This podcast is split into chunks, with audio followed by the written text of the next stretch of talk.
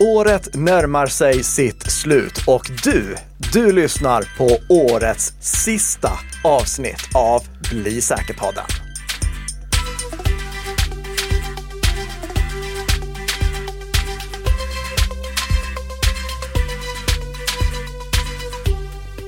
Ett avsnitt där du, Karl-Emil Nicka, ska stå till svars för dina förutspåelser inför året. Precis. För i avsnitt 180 tror jag det var, då gjorde jag som vanligt, tittade in i IT-säkerhetsspåkulan och försökte tyda vad som stundade 2023. Och det gick som vanligt inget vidare. jag tänker att kanske det är lite poängen också. Att det inte bara förutspår att det kommer en ny iPhone som har bättre ja. kamera. Precis, är, vi, vi, vill ju ta ut svängarna lite, vilket då leder till att resultatet i våra spådomar bara är marginellt bättre än spåtanterna som annonserar i Aftonbladet om att de kan spå din framtid för 1990 i minuten. Är det det man ska ta? Oavsett det så är ju det den 29 december här nu, fredag. Mm. Och inspelat är detta avsnittet, om Yoda själv har fått säga det, 28 december i ett ekonomiskt oberoende samarbete mellan Nika Systems och Bredband2. Innan vi går vidare och ska prata just om vad du tänkte och tyckte inför året så har vi några snabba nyheter här också. Mm. Först ut så backar Sony ifrån eh, att allt material som slutkunderna då, alltså vi, kanske inte nödvändigtvis vi, men många andra hade köpt. Som då tillhörde eh, nätverket Discovery. Eh, det skulle ju bort för att licenserna gick ut. Som om det vore det mest självklara i världen. Men eh, Sony backar här nu och eh, påstår att eh, tack vare lite uppdaterade licensavtal, så enkelt det var va, mm. så försvinner inte detta materialet. Nej. Det kommer inte gå att köpa nytt då för Sony har slutat med den här verksamheten att sälja tv och filmer härifrån. Men ni som redan har köpt det, ni kommer få behålla det. Det är, grattis! Eh, Sony kommer alltså inte att stjäla de filer som de har sålt till er. Och ja, jag vet att det i licensavtalet står att de har rätt att ta tillbaka licensen. Men som vi sa i avsnittet som vi gjorde om DRM så är det ju någonting som är fel om en aktör, i det här fallet Sony, säljer någonting som om det vore en permanent licens, för det, det råder inga tvivel om att det var det som användarna hade intryck av att de köpte. De tog betalt därefter i alla fall. Exa ja, ja, ja, och du, det där det är ju beviset för också, att de tog betalt som om det vore en permanent licens, alltså som om du köpte en Blu-ray eller en DVD. Eh, men de hade i sin tur inte fog för att sälja det permanent. Och jag får säga som så här, att när jag läser det som de nu skrev den 21 december, eh, citat på engelska, att due to updated licensing agreements, the discovery content removal planned for December 31st, 2023 is no longer occurring. Slutcitat. Det gör det nästan bara ännu värre. Alltså jag är ju glad att Sony-användarna får behålla sina köpta filmer och tv-serier. Men att det är på grund av uppdaterade licensavtal, det gör ju bara att de sparkar problemet ner för gatan. Det här kommer ju komma tillbaka. Ja, det är inte för evigt de här avtalen gäller. Nej, ifall Sony hade velat lösa det här ordentligt, då hade de erbjudit att de som köpt filmer och köpt tv-serier fått ladda ner de här köpta tv-serierna och filmerna så att de hade kunnat lagra dem på egna hårddiskar. För att om det sen skulle vara så att användarna tappar bort de här filmerna, de här filerna, då är det ju användarnas problem att de är borta. Men då har de i alla fall fått möjlighet att ladda ner de här filmerna och filerna som de köpt rätten till av det som marknadsföringen och priset antydde att de köpt, även om det står någonting annat i licensavtalet. Så eh, Sony, skadan är för övrigt redan skedd. Eh, ni, ni, ni måste bättra er om ni ska ha något förtroende i framtiden när det kommer till att sälja digitala saker. Eh, och tyvärr så inser jag ju att eftersom ni har slutat med det så är det inte något rykte som ni är speciellt rädda om att eh, rädda. Vi går vidare och vi har ett eh, säkerhetsrelaterat nyord här ja. i år. Äntligen händer det. Nej, men det händer ju ofta. Men det här är ett eh, ord som jag tycker smakar extra gott i munnen. Mm. Cyberresiliens. Exakt. Ah. Och nu tänker ni, det där är ju definitivt inget nyord. Och nej, det, det är det inte. Eh, Men det är ett nyord i Institutet för folk, språk och folkminnens syn. Alltså de, de som gör den här nyordslistan. De har i år tagit upp cyberresiliens som ett nyord och de definierar det som citat förmåga att stå emot IT-attacker och upprätthålla grundläggande funktioner. Slut citat. Och eftersom de tar upp det, då betyder det ju att det är någonting som är aktuellt. Alltså de, de, de tog upp Barbenheimer som ett nyord. Ja. Eh, och, och det betyder ju då att även om vi känner till ordet cyberresiliens sedan tidigare så är det någonting som är eh, värt att fundera på. Och jag kan ju säga som så här, eftersom de tar upp det ordet nu så är det någonting som ni svenska organisationer ska fokusera på under 2024. Ni ska se till att förbättra er cyberresiliens. Jag vill också slänga in ett extra tips här också eh, på en, en webbsida som ni bör ha bokmärkt i era webbläsare.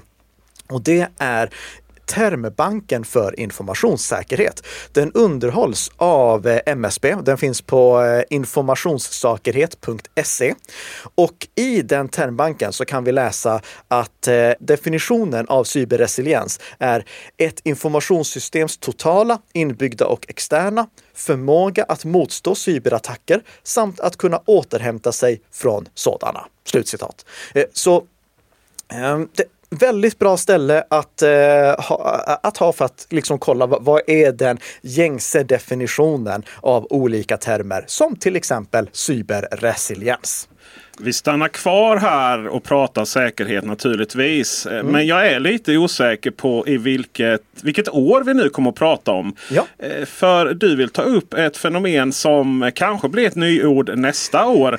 Statistikvisklek. Ja, det är eh, en... Det, det här är bara trams. Eller, ja, okej, det är bara trams nu. Ni kan hoppa till veckans huvudämne om ni inte vill höra det. Men jag, jag tyckte att det här var så roligt för att jag, jag stöter ofta på problem med att eh, det i pressmeddelanden står statistiksiffror och så finns det inte någon förklaring till varifrån det kommer. Alltså till, exempel, ni har säkert hört att 90 procent av eh, världens it-attacker börjar med ett mejl. Det är liksom en sån siffra som ofta slängs runt.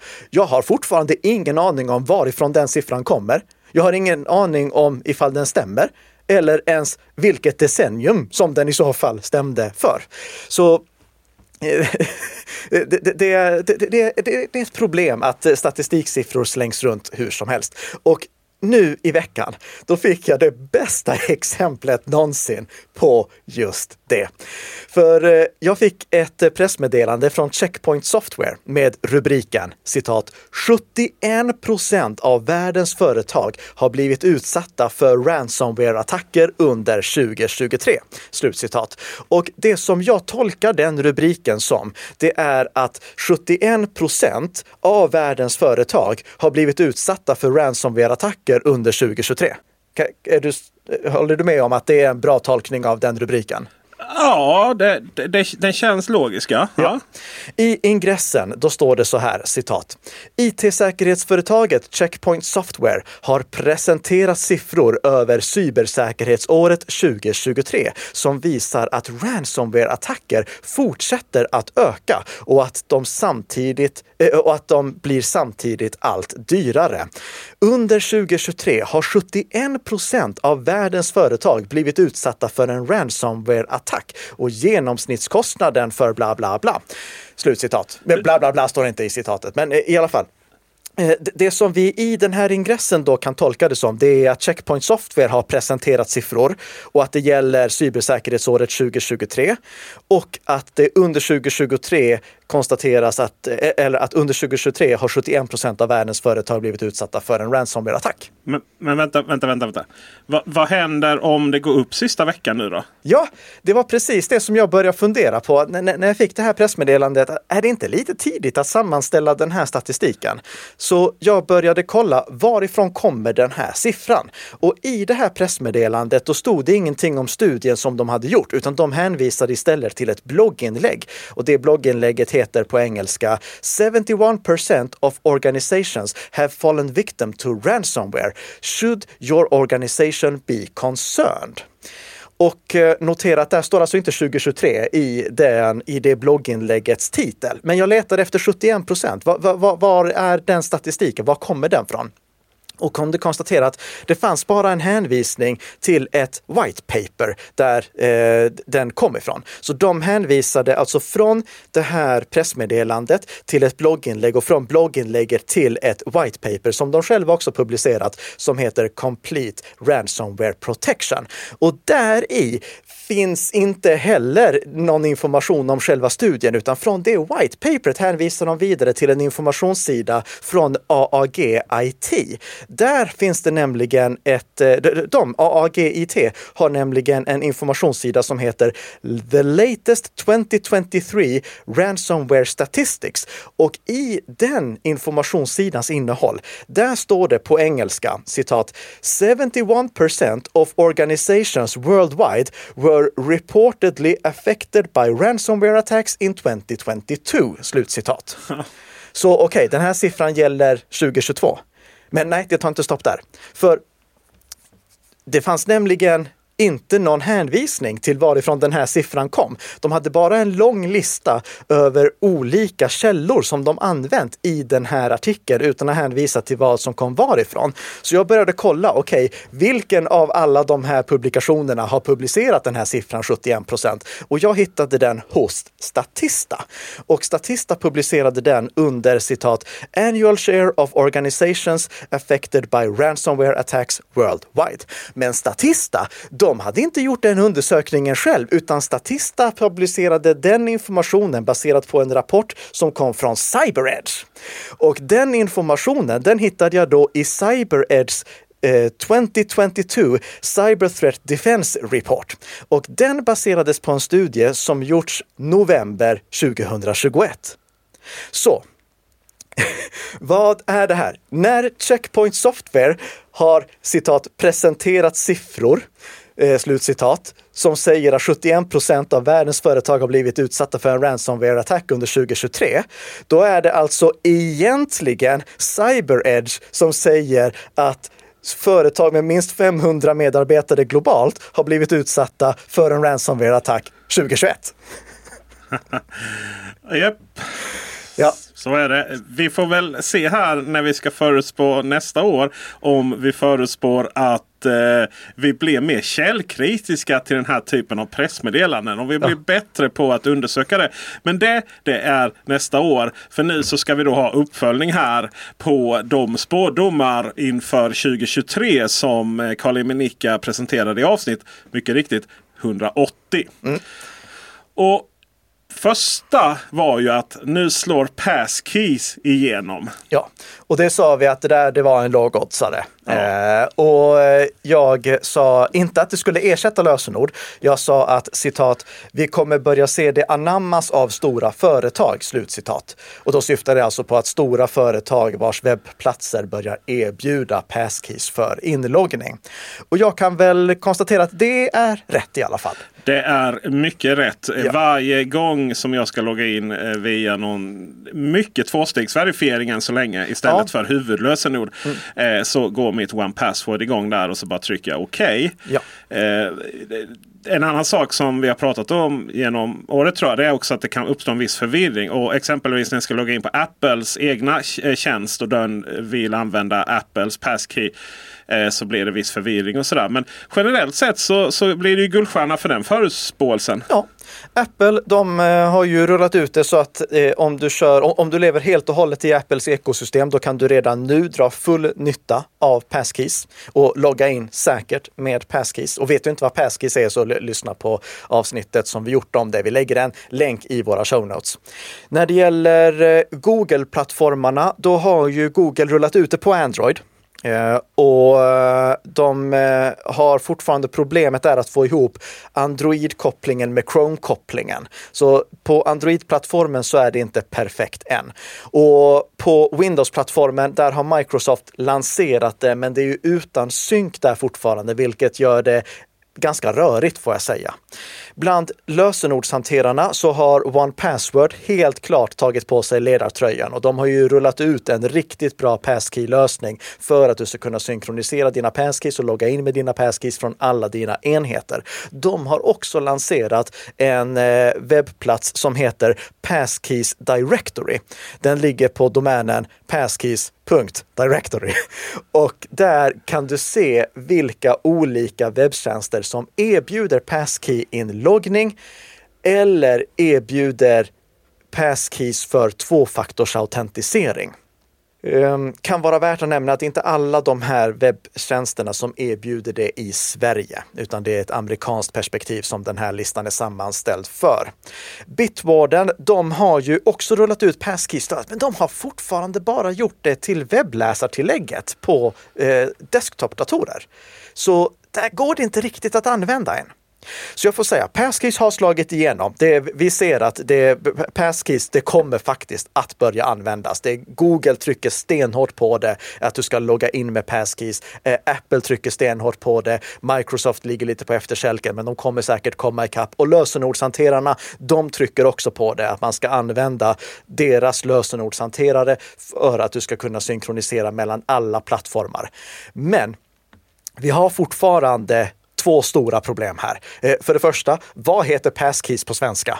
För jag ser att det kallas lösennyckel ibland. Det kallas säkerhetsnyckel ibland, men säkerhetsnyckel, det är ju det jag kallar min YubiKey.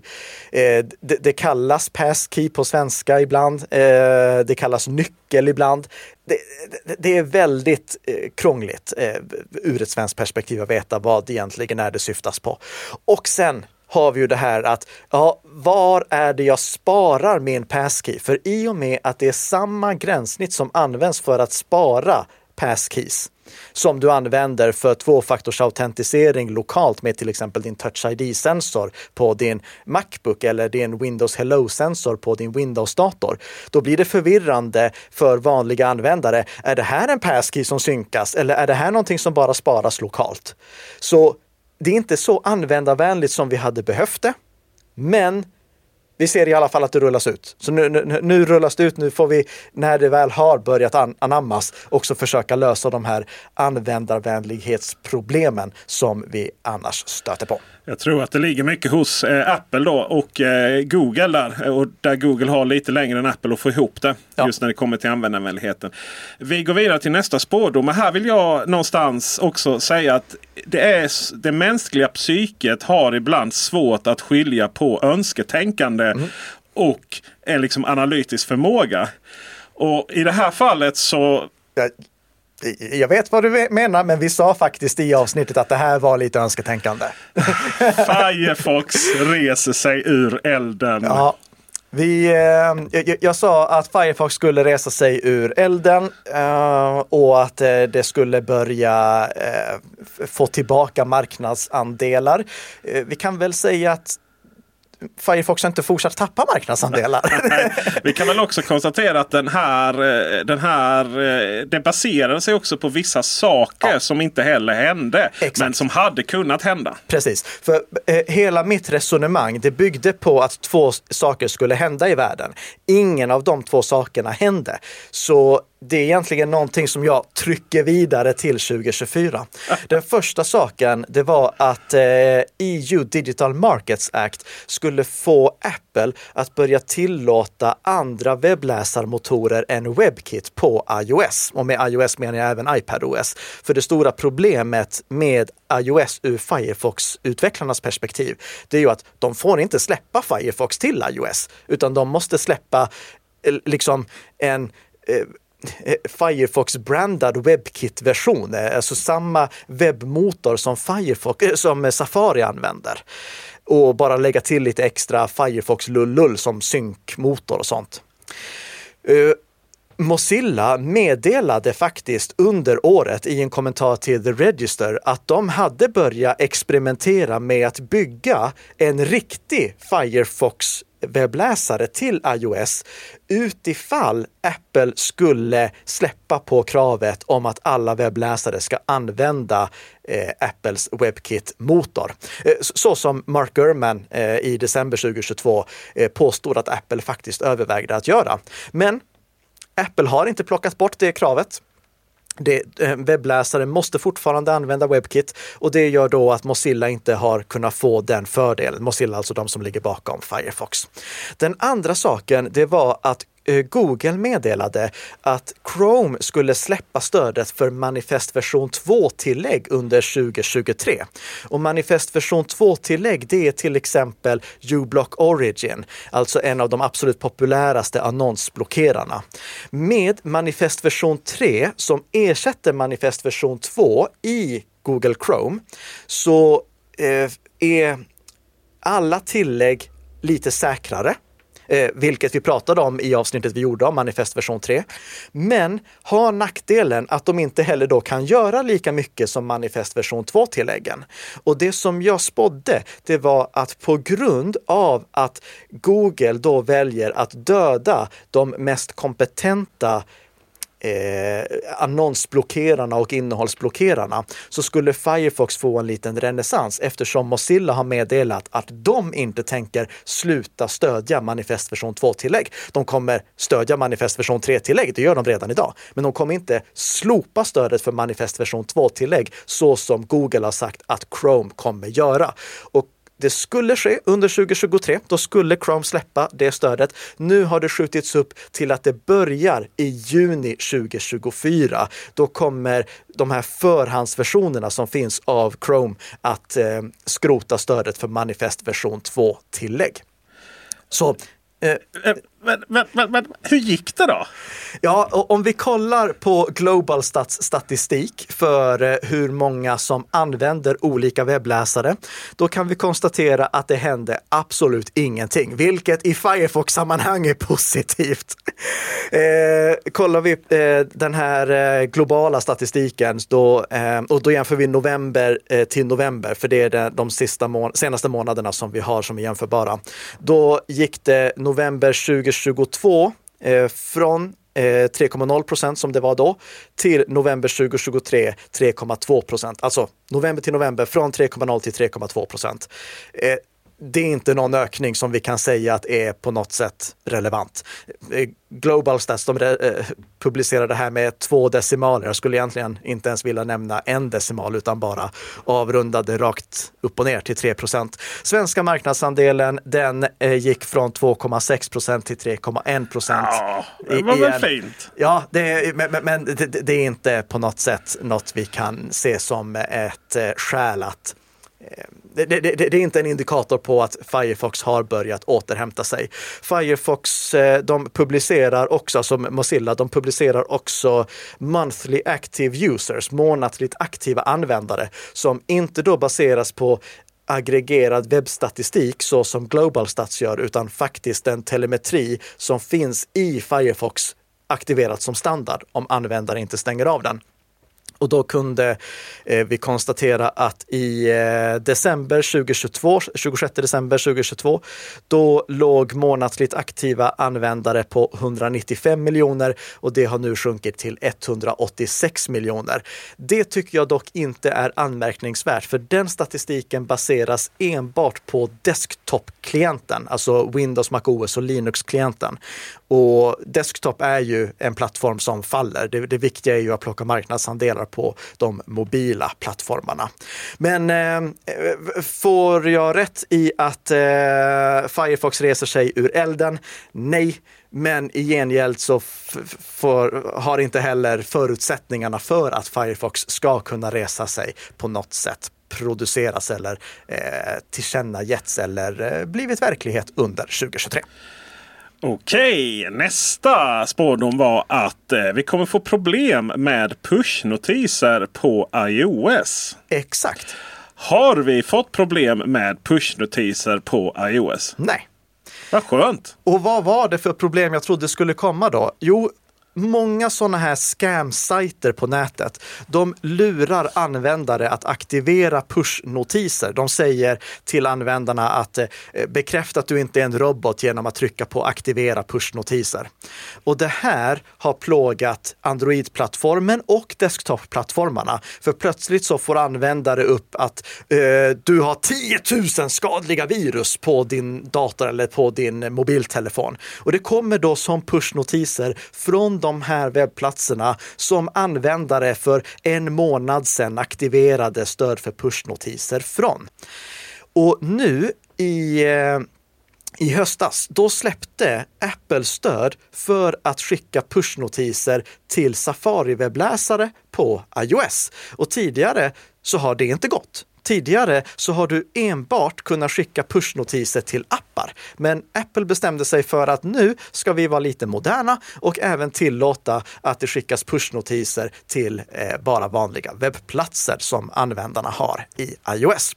Och då trodde jag att det skulle bli samma problem på iOS som det har varit på de andra plattformarna. Men jag sa också när jag lyssnade igenom avsnittet igår att citat, ifall Apple har något S i rockärmen för att förhindra att det missbrukas. Hade de ett S? Det hade de. Ja. Apple kräver nämligen att för att en eh, webbplats ska få skicka pushnotiser till dig så måste du ha lagt till den som en webbplats på din hemskärm. Alltså, du måste ha gjort det som, så att det ska bli som en webbapp på din mobiltelefon. Du måste ha lagt det på hemskärmen. Om du inte har gjort det, då kan inte appen skicka notiser till dig. Och det gör att eh, de här fulsajterna, de kan liksom inte dölja sig på något sätt i bakgrunden, utan det blir väldigt uppenbart om de skulle försöka börja missbruka det här. För har du inte lagt den, just den webbplatsen på din hemskärm, då kan inte den webbplatsen skicka pushnotiser. Smidigt! Nu, nu skrattar jag lite här. Mm. För att naiviteten mm. i detta Ja, det beror på lite hur man tolkar följande spårdom. Bing blir bra. Och det är då Microsofts Bing som ja. ska då bli bra. Blev Microsofts Bing bra? Ja, det är ju en definitionsfråga. Men om vi kollar på huruvida Bing plockade marknadsandelar så kan vi konstatera att så blev inte fallet. Den, igen enligt eh, Global Stats eh, november till november jämförelse. Globala marknadsandelen för Bing november 2022 var 3,4 procent och november 2023 3,2 procent. Svenska marknadsandelen från 4,8 procent till 5,0 procent. Igen, ingen skillnad. Eh, så vi har inte fått se någon ökning i Bing-användandet. Skälet till att jag trodde att Bing-användandet skulle öka, vilket det kan ha gjort överlag, men inte när det kommer till just sök på nätet, det är Microsofts otroliga fokus på att integrera ChatGPT i Bing och även eh, andra AI-tjänster. Och det här har ju Microsoft haft fullt fokus på i år. De har verkligen försökt branda om Bing till lika mycket en eh, chattbot som en sökmotor.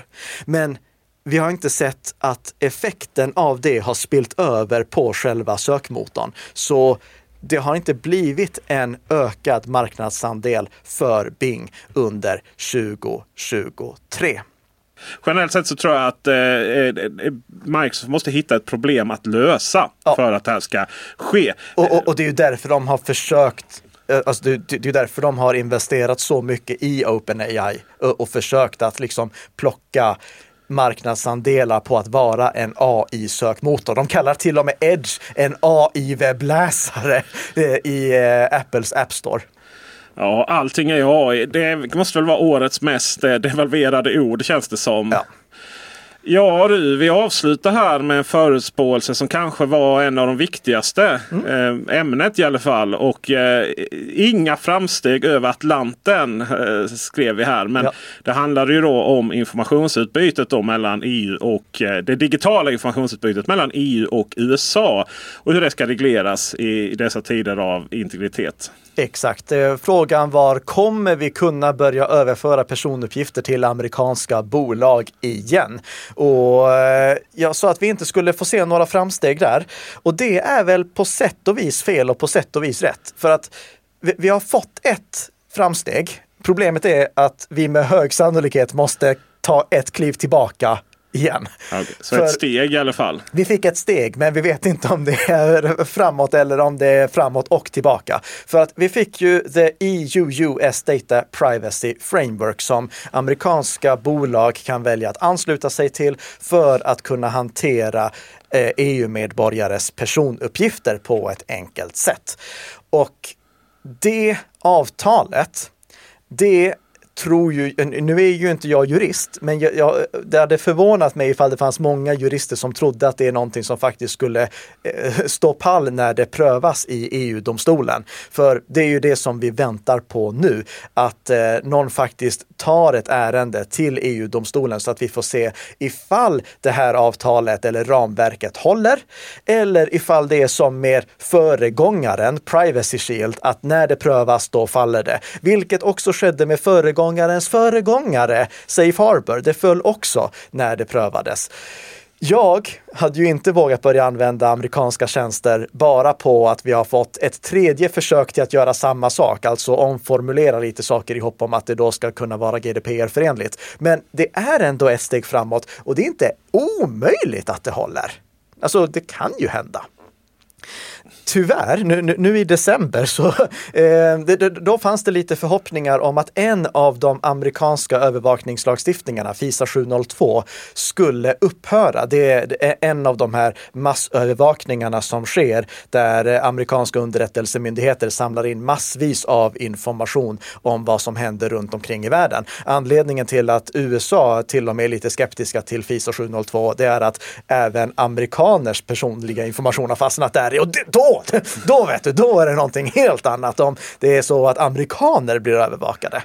Eh, men eh, FISA 702 förlängdes i eh, åtminstone fyra månader till och vi får se vad som händer sen. Sen ska jag säga att det är inte bara FISA 702 som gör amerikanska massövervakningslagar problematiska ur ett GDPR-perspektiv. Men det hade i alla fall varit ett steg i rätt riktning ifall de hade valt att riva upp den. Men vi får se vad som händer där. Så ja, inga framsteg över Atlanten. Det var inte rätt. Bing blir bra. Det var inte rätt. Eh, problem med pushnotiser på iOS. Det var inte bra. Eh, Firefox reser sig, eller inte rätt. Eh, Firefox reser sig ur elden. Det var inte rätt. Men Passkey slog i alla fall igenom. Ja, och det, det gjorde det med glädje. Eller ja, det, glädje det, i alla alltså, fall. Passkeys, det var ju verkligen den stora bra, alltså det stora glädjande IT-säkerhetsframsteget som vi fick under 2023. Och det tackar vi så mycket för att vi fick. Jag passar också på att tacka er lyssnare för att ni har lyssnat på oss det här året och eh, hoppas att ni lyssnar på oss nästa år också. För vi, vi är tillbaka redan nästa vecka med ett nytt avsnitt av Bli säker-podden som gör dig lite säkrare för varje vecka som går. Hej då!